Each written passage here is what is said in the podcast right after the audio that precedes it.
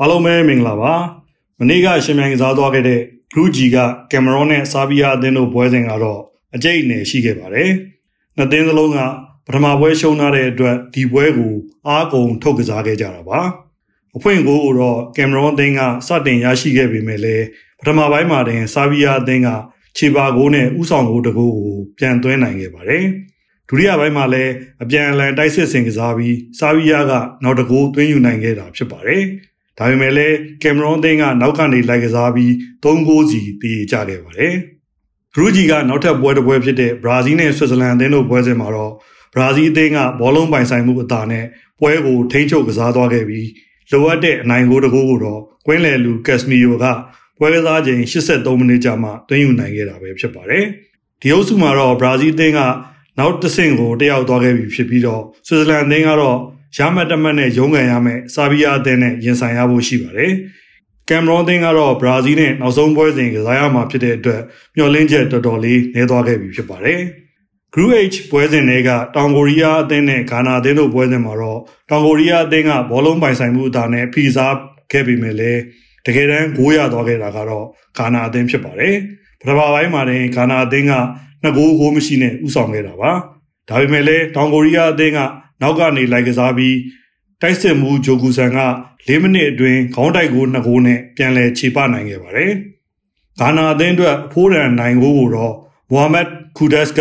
ပွဲစဉ်68မိနစ်မှာသွင်းယူခဲ့တာဖြစ်ပါတယ်။လက်ကျန်ပွဲကစားချိန်တွေမှာတောင်ကိုရီးယားအသင်းအစွမ်းကုန်ကြိုးစားခဲ့ပေမဲ့လည်းခြေပါကိုမရရှိခဲ့ပဲရှုံးနေခဲ့ရပါတယ်။ ပွဲပြီးမှာတော့အပြင်းထန်စောတကတက်ခဲ့တဲ့တောင်ကိုရီးယားနိပြပေါ်လိုဘန်ဒိုကိုဒိုင်လူကြီးအန်တိုနီတေလာကအနီးကပြားပြသခဲ့ပါတယ်။နောက်ပွဲစဉ်တစ်ပွဲဖြစ်တဲ့ပေါ်တူဂီနဲ့ဥရုဂွေတို့ပွဲစဉ်မှာတော့ပေါ်တူဂီကနှစ်ဂိုးဂိုးမရှိနဲ့အနိုင်ရရှိခဲ့ပါတယ်။ဒီပွဲမှာလည်းဥရုဂွေတိုက်စစ်မှုတွေဆက်ပြီးတော့ဂိုးပေါက်ပြောက်ခဲ့ပြီးပေါ်တူဂီအတွက်ပထမဂိုးကိုတော့ Bruno Fernandes ဘယ်ဘက်ချမ်းကနေဂိုးရှိကိုဖျက်တင်ပေးရာကနေဓာတ်ရိုက်ဂိုးဝင်သွားခဲ့တာပါ။ အဲ့ဒီဖျက်တင်မောကိုရိုနယ်ဒိုခေါင်းခုန်တိုက်ခဲ့ရမှာခေါင်းနဲ့မထိခဲ့ပဲဘရူနိုဖာနန်ဒက်စ်ရဲ့သွင်းဂိုးဖြစ်ပဲသတ်မှတ်ခဲ့တာဖြစ်ပါတယ်။ပေါ်တူဂီအတွက်အနိုင်သေးကြစေမဲ့ဂိုးကိုတော့ဥရုဂွေနောက်ခံလူ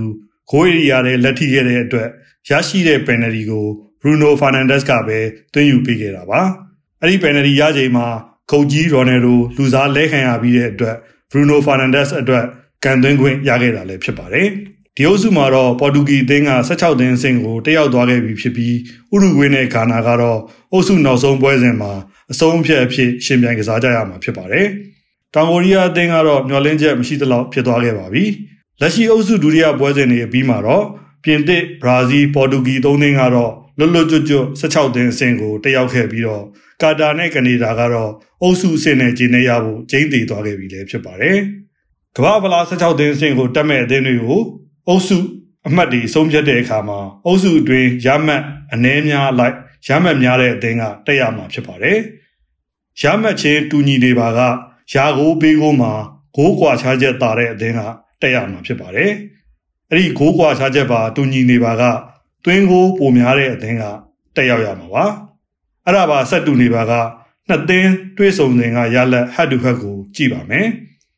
အဲ့ဒီရလက်ပါထတ်တူပါကသူတို့ကစားခဲ့တဲ့ပွဲစဉ်တွေက fair play ရမှတ်တာတဲ့အသင်းကတက်ပါမယ်ဒီနေရာမှာနှစ်သင်းအမှတ်တူတဲ့အခြေအနေကိုပဲကျွန်တော်ရှင်းပြထားတာပါ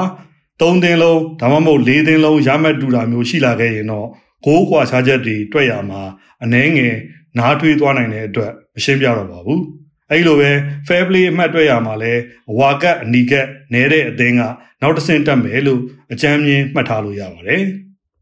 ကဲဒီနေ့မှာတော့ Group A နဲ့ B ကအုပ်စုနောက်ဆုံးပွဲစဉ်တွေကိုကစားမှာပါ